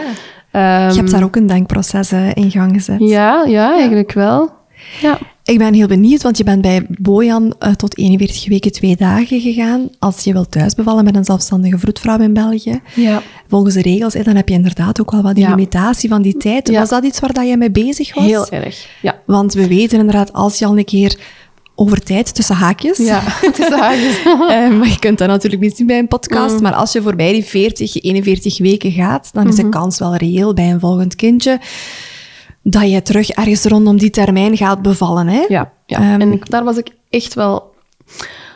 Een, daar had ik een- waarschijnlijk een iets te grote fixatie op, of, of angst voor ook weer. Ik wilde echt niet opnieuw ingeleid moeten worden in het ziekenhuis. Ja, want dan is het in het ziekenhuis. Hè, Want voor dan de is het weer in het ziekenhuis, ja. Dus ik ging weer over tijd, tussen haakjes. Maar dan had ik die zelfstandige vroedvrouw die dat dan wat van haar kunstjes heeft ingezet, zonder dat dat aanvoelde als iets forceren. Maar ik heb zo wat voetreflexologie gekregen. En vooral, en dat is voor mij ook echt iets dat ik, dat ik heel hard heb meegenomen, het mentale stukje. Ik zat heel hard tijdens die zwangerschap zo nog met zo, ja, dat stuk van... En Bojan moet mij nu gaan delen. En die is daar niet klaar voor om mij te delen. Ik ben nog niet klaar om mijn moederlijke aandacht te verdelen. Ik kan het nog niet. En ik geloof heel erg dat wat we mentaal aan het denken zijn en de processen dat we daar doormaken een heel grote impact hebben op wat we fysiek doormaken en voelen. Ja. En ik weet mij nog heel goed een moment waarop ik hier met Bojan, hoogzwanger van Adam, dat was een dag voor hij uiteindelijk gekomen is, hebben wij echt zo, ja, hebben wij zo alle, alle zorgen precies van ons afgedanst. En dan Ja. heb ik zo'n bijzonder momentje gehad met hem. En nog een heel goed gesprek ook gehad met een vriendin van mij. En heb ik iets losgelaten. Ja, is Kan dat- kunnen zakken. Ja, ik kan dat heel moeilijk ja, onder woorden brengen zelfs. Maar er is iets toen... Ja. En dan, ja, ik was 40 weken, vier dagen was ik, of drie dagen. En dan s'nachts, dat was één uur, denk ik. Ik was net gaan slapen. Boris sliep nog niet, die stond zijn tanden te poetsen in de badkamer. Brak mijn water. Ja. Brak mijn, brak mijn vliezen. Een heel plas. Ik vond dat heel overweldigend zo. Ja, want ja, dat, dat natuurlijke proces van Ja, dat in ja. gang schieten had ik nog niet meegemaakt. En eh, ja, dan weet ik nog dat ik uit bed gekomen ben en dat water stroomde eruit. En dan naar de badkamer ge- gewaggeld zo. Van, oh, tjoe. En zo noemen we elkaar dan. Van, ja, ik was zo helemaal... Ja, die stond daar met zijn tandenborstel in, in de badkamer. Ja, die was ook wel even... Alles was op zich klaar. Dat Ja. bad stond klaar. Dat was- ja. Maar het is altijd even dat- schakelen, ja, hè? Het is altijd even... ja. Oh nee. Ja, eens dat dat er is, is dat dan zo... Toch verschieten, hè? Ja, toch verschieten. En dat was zo even... Ja, ik weet nog, ik had dan wat rozig vruchtwater. Dan direct naar de vroedvrouw gebeld, maar die kon mij daar dan in geruststellen. En ehm, ik weet nog dat ik ook wel wat bang was zo voor... voor Stel, als ik die wee dan ging krijgen, hoe gaat dat dan voor Bojan zijn? Want die had mij ook s'nachts nog wel redelijk vaak nodig. Aan de borst dan. Aan de borst, Ja. maar ook Om te reguleren. ja, het was een hele moeilijke slaap. Nu is dat een supergoeie slaper, maar als peuter, kleuter was dat ja, een hele moeilijke slaper eigenlijk. Heel veel regulatie nodig gehad zo van ons. Maar die heeft toen ja, keigoed geslapen. Die heeft dat gevoeld? Die heeft dat gevoeld. Ik geloof dat ook echt. En dan, eh, ja, dan tegen de, moet ik al denken, want ik haal soms mijn bevallingen Door elkaar. Door elkaar, ja. Herkenbaar. Het- ja, tegen de ochtend is dan de vro- vroedvrouw gekomen en dan tegen de middag, ja, we hebben een heel mooi proces van die arbeid. Want de vliezen zijn spontaan gescheurd. Zijn de contracties ook vrijwel onmiddellijk opgestart? Ja, eigenlijk wel. En ja. want dat is niet altijd Nee. zo. Hè? Je weet, als vliezen scheuren binnen de 24 uur, Ja. hebben we heel graag ja, dat je toch echt wel in arbeid bent. Dat kan soms wel ja, wat een waiting game zijn. Hè? ja. Nee, dat was eigenlijk wel, dat, wel heel... Want ik weet nog dat ik dan in de bureau, op de bureaustoel, Boris en, en te slapen, dat heel gemakkelijk kon opvangen nog wel. Dus dat was allemaal nog niet zo intens. Maar dan zo tegen... Dus mijn vliezen waren gebroken om één uur en dan tegen de ochtend aan werden die echt wel heel fel. Heb ik de ja. vroedvrouw gebeld en die zei... Oké, Kim, aan hoe dat jij nu tegen mij spreekt, spreek Ja, ja. ik nu in mijn auto. Ja, wij horen wel eens vrouw. Hè? het schijnt. Want dat was bij Julia ook enorm hoe dat die dat heeft aangeboden. Ja. Dat ik dat misschien subiet nog weet niet. Maar, maar dan tegen de ochtend aan is die gekomen. En dan ehm, tegen de middag is Adam uiteindelijk geboren. In het water. Heel rustig, heel, ja, heel mooi en sereen. ik heb echt nog wel tijdens die, die uren van die arbeid nog, nog lesjes gekregen in loslaten. Want ik was zo heel erg zo... Moet jij niet checken hoeveel ontsluiting dat ik heb en waar dat ik zit? En terwijl dat de vroed van dan tegen mij zei... En die had dat op voorhand ook al wel gezegd, maar op die moment is dat zo allemaal... Maar zei van, nee Kim, ik zie aan u waar dat jij zit. Heb maar het vertrouwen. Ja. Hij is op komst. Ja. Je bent dit keigoed aan het doen. Zo mooi dat ze dat, gegeven heeft. Echt waar. Maar op een gegeven moment wat, wat vond ik het dan zo moeilijk, toch? Mhm. Dat ik echt wilde dat ze het een keer deed. En dan heeft ze dat ook gedaan, uiteraard. Want ik stond er dan ook op. En dan was dat 7 centimeter. En dan weet ik nog dat ik iets had van... Oh nee, 7 centimeter. Dat kan toch niet? Ik heb al zoveel pijn, het duurt al zo lang. Maar dan zei ze ook tegen mij... En dat was eigenlijk een, een, een mooie ja, voorbeeld van waarom dat ze het niet Mhm, had gedaan al heel die tijd. Maar ze zei ook, en ze heeft gelijk gekregen, dit kan zo omkeren. Ja, dit kan echt binnen vijf minuten anders zijn. Hè? En zo Ja. bleek ook. Want dan zei ze, ik denk, ja, echt, ik vind het moeilijk om daar een tijd op te plakken. Maar heel kort daarna zei ze van, Kim, zit je het zitten om naar het water te gaan? Ja, ik zei dat dan wel zitten. En dan is het snel gegaan Ja. eigenlijk. Dus ik ben heel snel, die, die laatste centimeters gingen dan sneller dan, dan ik dacht. Ja, dat is heel Ja. vaak bij zo die vaginale onderzoeken. Veel vrouwen die zich goed voorbereiden, zeggen Ja. op voorhand, ik wil het niet weten. Ja. Als ze in arbeid zijn, dan hebben toch heel vaak zo wel even die behoeften of die nood aan hoe ver zit ik al. Hè? Hetgeen wat ik nu al gevoeld heb, is dat al iets waard geweest, voilà. tussen haakjes. Ja. Hè? En dat is ook iets wat ik in mijn cursus heel hard probeer mee te geven. Als je inderdaad eh, vraagt voor een vaginaal onderzoek, bedenk dan ook wat wilde horen en wat gaat dat met u doen. Mhm. Ja. Want het kan zijn dat je al keihard aan het werken Ja. bent en dat die centimeters dan maar één kleine fractie is van heel het geheel. Voilà. Dat die dan misschien teleurstellend zijn en dat kan zo'n moodkiller zijn. Ja. Ja. En dat zegt zo weinig eigenlijk. Dat hè? is echt. Maar ik had dan echt gewoon een, een, een, ja, een vroedvrouw die dat, dat zelfs dat kon keren, Omkeren, bij mij. ja. Want ik, ik weet nog dat ik zo even iets had van, oh nee, maar dan heeft hij dat weer kunnen keren naar terug vertrouwen en terug meegaan met die flow. En ja, ja dat was... En kort daarna. En kort daarna was hij daar. Ja, ik weet het nog heel goed. hoe Dat die, er was ook zo'n groot verschil met Bojan, die dat zo heel, naar mijn gevoel, heel onrustig ter wereld is moeten komen. Ja, dan die, ik, ik heb die ja, opgenomen uit het water en die, die keek direct naar mij ook. En had zijn oogjes open en zo echt zo... Ik heb dat toen ook in mijn geboorteverhaal of bevallingsverhaal geschreven. Zo, die leek echt te zeggen tegen mij van... Kijk mama, het is echt oké. Ja. Ik ben Oh. er, het is oké, ja.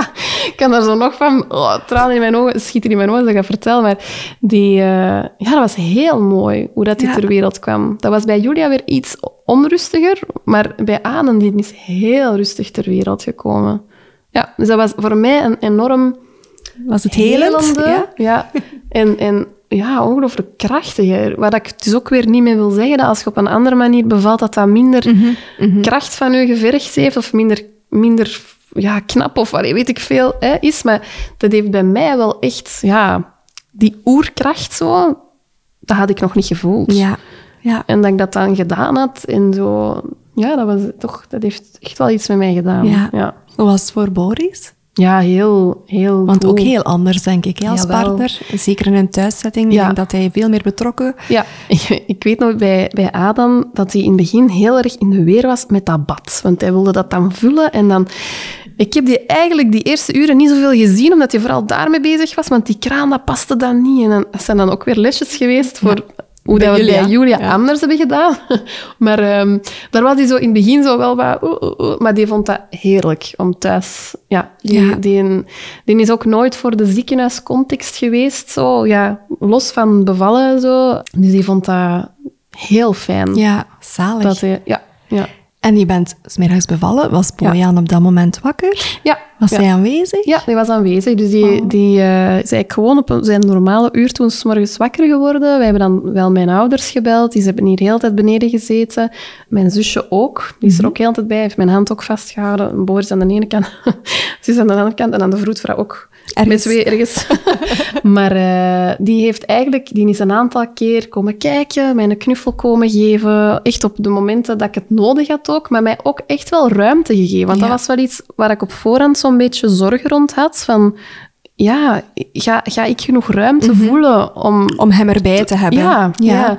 maar ook dat voelde die weer aan. Zo, Ja, ik moest dat ook niet... Dat is nooit gezegd moeten worden van... En nu kan je beter naar beneden. Nee, eigenlijk... Nou, dat, dat was liep gewoon organisch. liep, ja. Ja, mooi. Ja, Dus die, die, die, die is zo gekomen en dan weer gegaan. En dan weer hier aan het spelen geweest. En dan weer even gekomen en dan weer terug gegaan. Maar dan eens dat Adam er was, dan ehm, was hij ook niet weg te slaan bij, Ja. zijn, ehm, Oh, bij zijn broertje. Ja. wat een mooi cadeau ook, hè, Ja. dat je die hebt gegeven. Ja.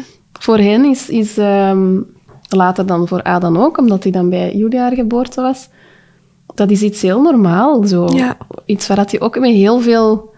Ja, die zeggen dat echt heel vaak eigenlijk. Van, konden we daar nog maar eens terug naartoe gaan? Die vonden dat een hele, hele mooie dag. Ik denk ook omdat die al die liefde en warmte gevoeld hebben van al die mensen dat dan zo aanwezig zijn. Dat is een heel... Ja, een heel Ja, emotioneel, intense ja, hè, dag. is Zo, hè? Ja, Ja, Ehm, absoluut. Oh, ja. zalig. maar ja, ik ben ook heel blij dat zij er waren ook. Ja.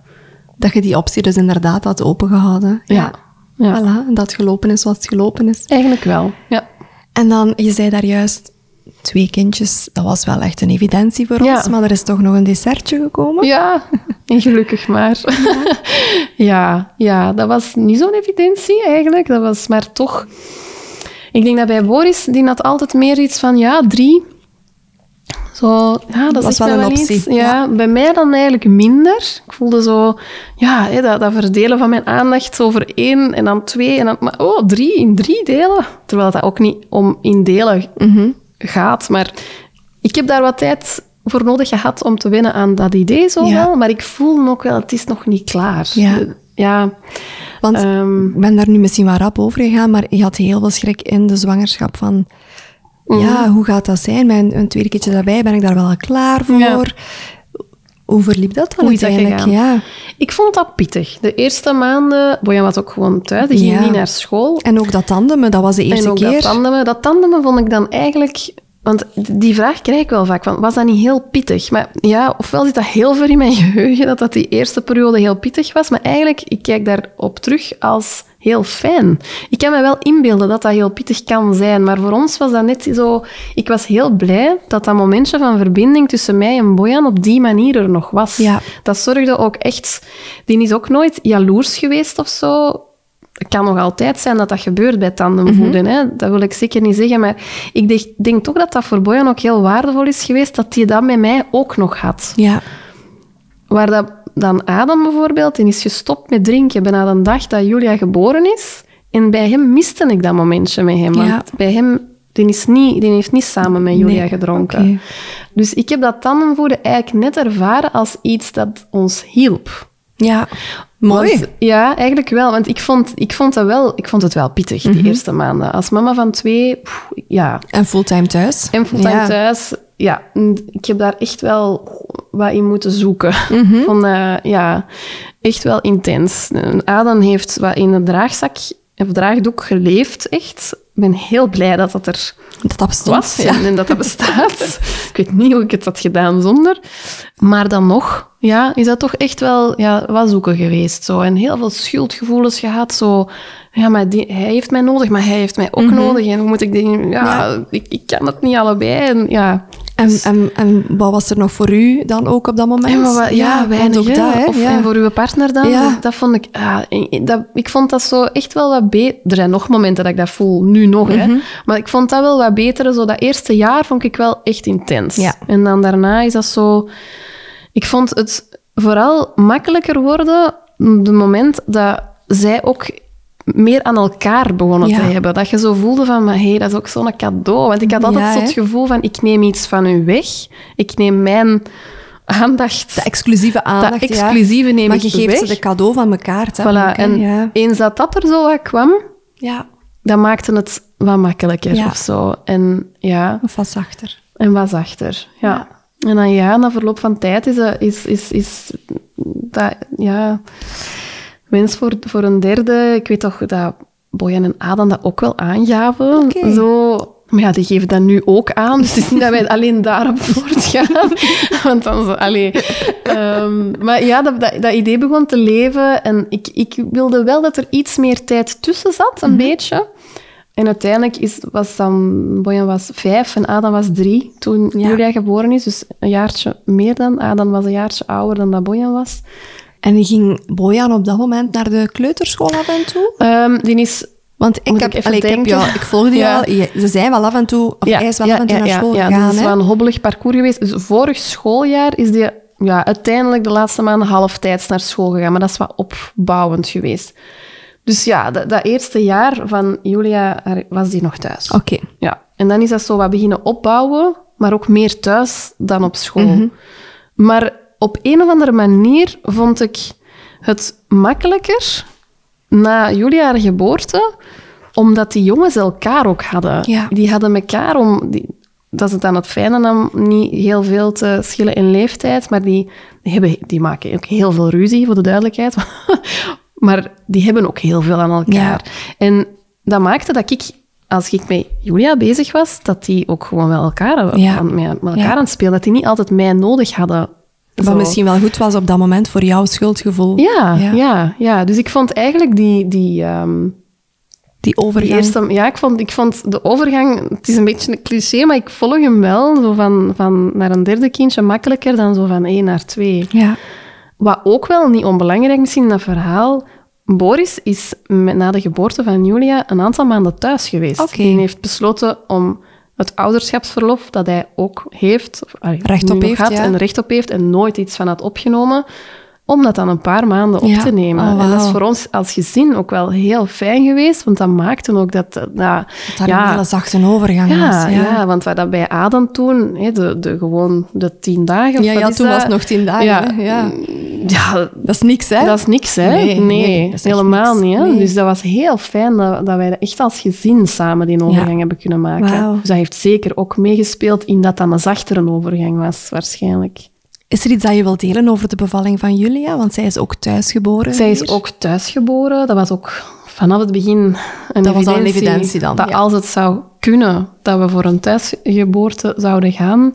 En heeft de gynaecoloog uiteindelijk na de bevalling van Adam, Mhm. tussen, eh, tussen die bevalling en de zwangerschap van Julia, ooit iets gezegd over de Nee. thuisbevalling? Nee, dat is altijd een beetje... Nee, eigenlijk niet. Dat bleef daar zo wat hangen. Dat bleef wat hangen. Ja, Maar ook geen, ook geen negatieve nee, dingen? Nee, nee. Bleef echt hangen. Ja, dat echt zijn proces nodig, ja, duidelijk. ja, dat is echt wat blijven hangen tot dat telefoontje, naar mijn Ja, gevoel, na na jullie geboorte, ja. echt. En ja, tijdens dat wij dan daar opgevolgd werden, toen ik zwanger was van Julia, heb ik dat wel laten vallen, maar dan werd dat zo op een heel neutrale manier ontvangen. Zo. Dat was zo... Dat was niet goed, maar dat was ook niet slecht. Ook niet echt steun. Dat was gewoon, oké, Ja, een feit. Genoteerd, En- ja. Zo, op die manier. En daar werd verder ook geen woord meer over, gerept. Nee. Oké. Maar dat, ja, ik toch ergens misschien soms ook een beetje... Dat had het misschien voor mij wel makkelijker gemaakt, maar ik had anderzijds ook wel voldoende, denk ik, wat dat stu- stukje betreft aan de vroedvrouwen. En ik zat niet meer in dat onzekere van waar ik bij Adam... Ja, hè, want je had het nu wel ik had het er, ja, gedaan. en, en, en ja, ik- het was echt een evidentie dat als het kon, dat we dat terug wilden. Ja. Zowel ik als, eh, als Boris. Ja. En dat was eigenlijk een fijne zwangerschap, pittig ook wel, want ja, Mhm, twee jongens. twee rond. en fysiek ook zo wel een beetje meer ja, kwaaltjes, zo die, die bekken, toch echt wel een beetje meer last van gehad. En Adam dronk wel nog in die En zwangerschap. Adam trok ook heel die zwangerschap door nog. Ja. Die is echt, ja, bijna dag op dag. Die zei ook letterlijk, en nu is de melk voor zusje. Amai. Dat was voor hem zo een, ja, Een, een uitgemaakte ja. zaak of zo. En die is daar ook niet op teruggekomen. Want dat dacht ik misschien in het begin van, ja, wacht maar. Hè, als die melk er dan terug is en hij ziet dan dat, Mhm. Dat ze zoveel drinkt, drinkt, dan ja. gaat hij wel... En dat, was, dat had voor mij ook helemaal prima geweest, want ik heb dat zelfs echt een beetje gemist. Maar nee, Nee, dat was niet... anders. Hij besliste Ja. echt anders. En ja. dat toont ook aan dat je een kind niet kan forceren. Nee. Ja. nee, nee. Ik, ik had heel hard gehoopt op tandemavonturen, maar maar mijn kinderen wilden niet droog drinken. Ah ja, ja, ja. Ik heb dat zelf wel... Ik, ik vond dat ook verdrietig. Ja, jawel. Ja, ik kan dat echt En snappen. eh, de omgeving die snapte dat niet, want die hadden Nee. iets van, ja, ik was ook heel ziek in de zwangerschap. Je bent al zo Oh. ziek, hoe zou dat dan nog moeten? Ja. Maar zo, ja, het was nu beslist door iemand anders ja, ja, ja. dat dit ging stoppen. Zo, dat. Ook al was het mijn eigen kind. Ja, ja, maar nog, dan nog dan altijd. nog, hè. Toch je eigen stukje ook. Ja, hè. Ja, wel. Ik herken dat wel een beetje. Dus dat was voor mij toch ook zo een beetje... Ja, maar ook wel oké. Ja. En dan, ja, op zich een heel fijne zwangerschap van Julia gehad. En eh, opnieuw dezelfde vroedvrouw, gynaecoloog. En dan de bevalling zelf. Opnieuw tussen haakjes over tijd gegaan. Dat was dus drie of vier. Ik weet, ik Ja. verwisselde drie en de vier tussen Ada en Julia. Opnieuw een vroedvrouw die haar tukkendoos een beetje boven gehaald heeft. Ik was opnieuw weer, weer bang zo, voor een inleiding. Ik had echt zoiets van, ja, nee, cool. Ja, want je hebt nu geproefd van hoe Ja, het kan. ja, voilà. Maar ook wel iets meer vertrouwen gekregen in als we dan over tijd tussen haakjes Mhm. gaan, heb ik daar wel een beetje meer ruimte in. Hoewel de gynaecoloog op dat vlak wel weer afkwam met cijfers, want er was dan een onderzoek in Zweden of zo. En dan, ja.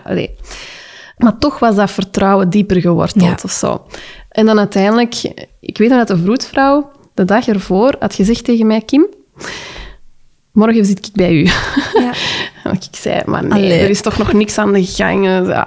Maar ja, ze, ze, ze had gelijk gekregen. Hè. Ik, zei, ik weet nog dat ik s'avonds in bed lag en dat ik zo... Ik had al een aantal dagen wat gerommel gevoeld. zo. Zo, van, ga je het nu in gang schieten? Ah, dan toch ja. weer niet. Ja. En dat is ook weer- heel typisch hè, bij een tweede, derde, ja, vierde kindje. ja, ja, dus dat heb ik echt wel. Dat was echt zo een week of twee weken zelfs. Dat ik zo heel vaak s'avonds het gevoel had van, ah ja. Valse En- start. Ja, en dan op den duur zelfs zo was en ja, nee, het zal er wel, Ja. wel weer niet. En dat was dus die bewuste dag ook. Maar toch voelde ik zo... Ja, ik, ik weet nog dat ik toch uit bed ben gegaan. Ik heb mij zo even gaan douchen. Dat had ik die andere keren niet gedaan. En dan naar, naar eh, de vroedvrouw gebeld. En ik zei ook van... Het gaat wel weer een valse start zijn. En ze zei, ja, maar ik heb toch het gevoel van niet. Maar weet je, belt mij binnen een half uurtje terug en dan, dan zien we weer verder.